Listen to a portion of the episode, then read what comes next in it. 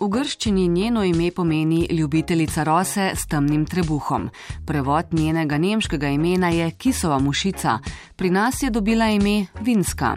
Včasih slišimo tudi ime sadna, ki je kalk iz angliškega poimenovanja fruitfly.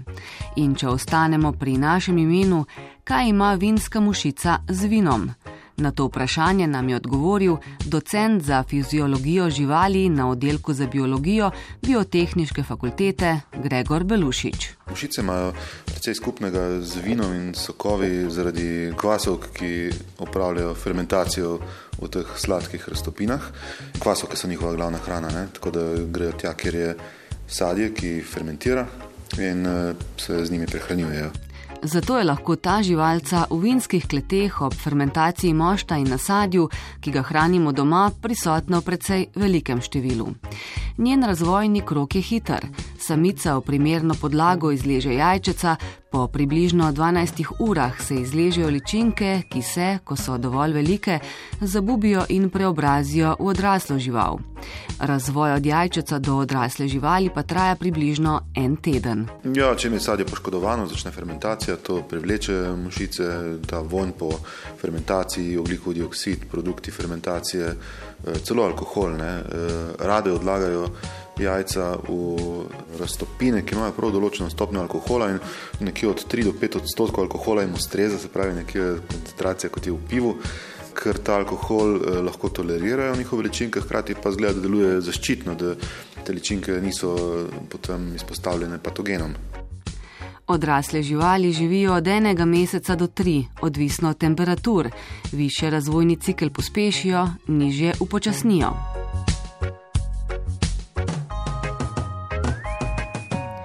Uradna biologija je vinsko mušico prvič popisala leta 1830. Njena prvotna domovina je Zahodna Afrika, območje slonokoščene obale. Danes jo najdemo vse od Finske do Tasmanije in vmes. Vrsta, ki je trenutno zelo aktualna v Evropi in v ZDA, to je Drozofila Suzuki, je invazivna in je prišla menda iz eh, Tibeta. Tam je prišlo do ob dvigovanju tibetanske planote v zadnjih par milijonih let do ohladitve podnebja, čemu se je ta vrsta izredno prilagodila in je sposobna preživeti v odrasli obliki zelo negativne temperature pod snegom in zaradi tega je zelo uspešna v zmernem podnebju in je velik problem v Evropi, v Ameriki in druge.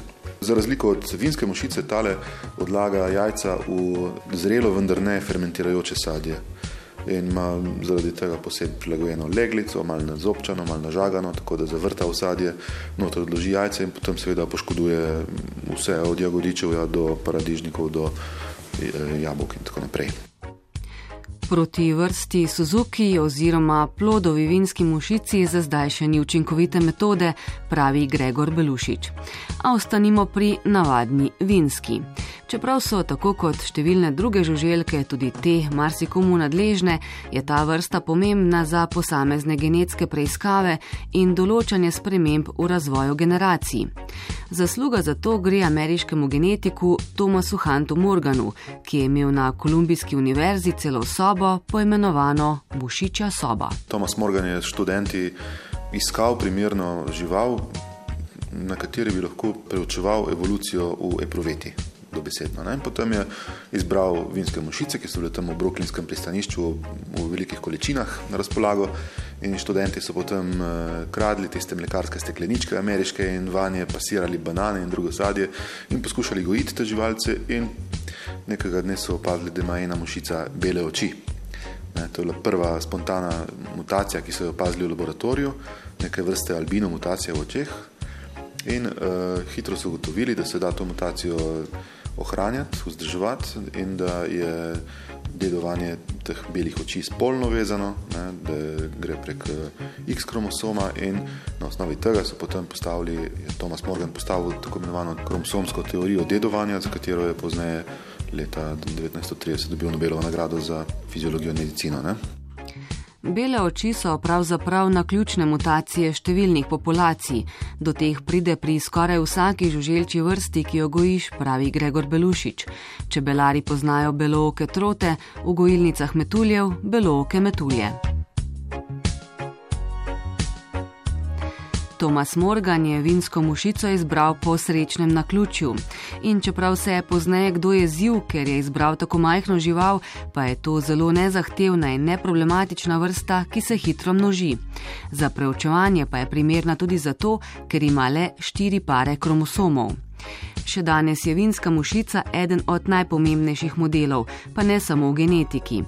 Kot gensko spremenjena živalska vrsta je pomembna tudi v humani medicini, v razvojni biologiji in v neurobiologiji. Lista bolezni, za katere je drozofila preizkušen model, je kar dolga, par deset bolezni imamo na spisku. Seveda se je treba zavedati, da nas z drozofilo druži tja okrog polovica genov. Ne? Stopnja sorodnosti vendarle ni tako visoka, ampak eh, mnogi ključni geni so si zelo podobni. Sploh ti glavni razvojni geni, ki vodijo razvoj eh, telesa pri vinski mušici, so praktično enaki kot pri človeku. Ne? Razvoj telesne osi, vem, model za mutacijo, ki pri človeku vodi v nastanek zajče usnice, pri vinski mušici izgleda tako, da je cela ličinka na pol razklana, tako kot pri nas eh, ne bo. Ne? In tako naprej. Določene stvari so res podobne. Ne? Razvojni geni, eh, potem, eh, kar se tiče bolezni, pri Parkinsonovi ali pa pri Alzheimerji bolezni, nevrone poškoduje ali pa zasmeti ista vrsta proteinov, ki jih kodira isti gen kot pri mušici, kot pri človeku, zato je model tudi za te bolezni. Poleg tega, da nam je do določene mere podobna, je pa še manj problematična za raziskave kot eh, živalska vrsta, kajti raziskave na vretenčarjih so zelo močno regulirane in zaradi etičnih eh, pomislekov tudi eh, se jih izvaja pod določenimi pogoji, so tudi povezane z visokimi stroški. Zadnje, novinska mušica pa je takšen organizem, ki ga lahko izpostavljamo bolj uh, grobim postopkom. Ne? In uh, recimo zanimiv primer je uh, individualizirano zdravljenje raka, ki se izvaja v ZDA, kjer iz bolnikov, ki so v nekaterih terminalnih stadijih raka, klonirajo gene, ki so odgovorni za njihov nastanek njihovih tumorjev, oziroma karcinoma, in te gene potem izrazijo v vinskih mušicah, ki zaradi tega tudi dobijo neke vrste raka ali pa poškodb celic in na teh vinskih mušicah potem preizkušajo desetine in stotine vseh potencijalnih zdravil, ki so v glavnem zelo strupena, zelo problematični citostatiki in podobne reči, ki se jih niti ne da kaj dosti študirati na drugih živalskih modelah, ker so toliko škodljivi, ampak če se izkaže, da neka, nek citostatik ali neko zdravilo učinkovito zdravi ekvivalent raka pri vinski mušici, potem se ga da aplicirati na bolnika v terminalni fazi, ki pač eh, lahko pristane na tako zdravljenje in to zdravljenje je uspešno. Eh, nekaj deset bolnikov je bilo ozdravljenih na tak način. Gensko spremenjene vinske mušice so uvrščene v prvi varnostni razred, kar pomeni, da ni nevarnosti za naravno okolje, saj v njem zaradi genskih sprememb ne bi preživele in obstajajo samo kot laboratorijske živali in kaj pomeni, da imamo ljudje približno polovico genov, ki počnejo približno enake stvari kot geni vinskih mušic?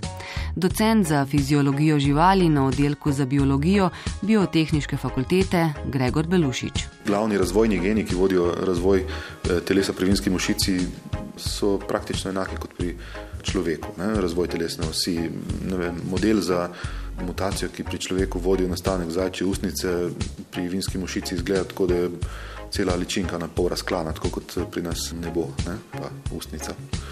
Določene stvari so res podobne. Ne? Res je, da ti geni, ki si jih mušica deli z nami, so pri nas prisotni ponovadi v več kopijah. Eh, v, pri mušici so zelo redko prisotni v več kopijah, zelo redko je ta zapis redundanten.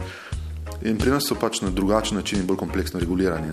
To, če isti protein je bolj natančno reguliran, bolj natančen, slab izraz, ampak na drugačen način, na bolj zapleten. Ne?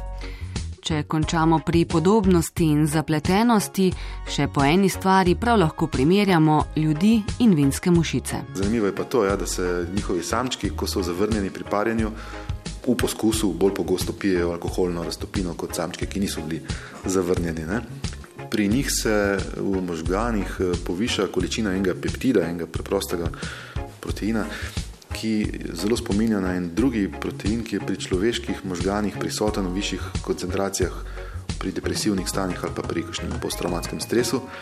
In očitno je stranska posledica tega peptida tudi nagnjenost k alkoholu, zelo verjetno iz popolnoma drugih razlogov in z drugačnimi učinki, ampak slučajno so to odkrili. Ne. Izpostavili so samčke, ki so bili zavrnjeni in so jim dali na razpolago pit dve različni raztopini in pač ugotovili so, da tisti, ki so bili zavrnjeni, so bolj pogosto pili alkoholno.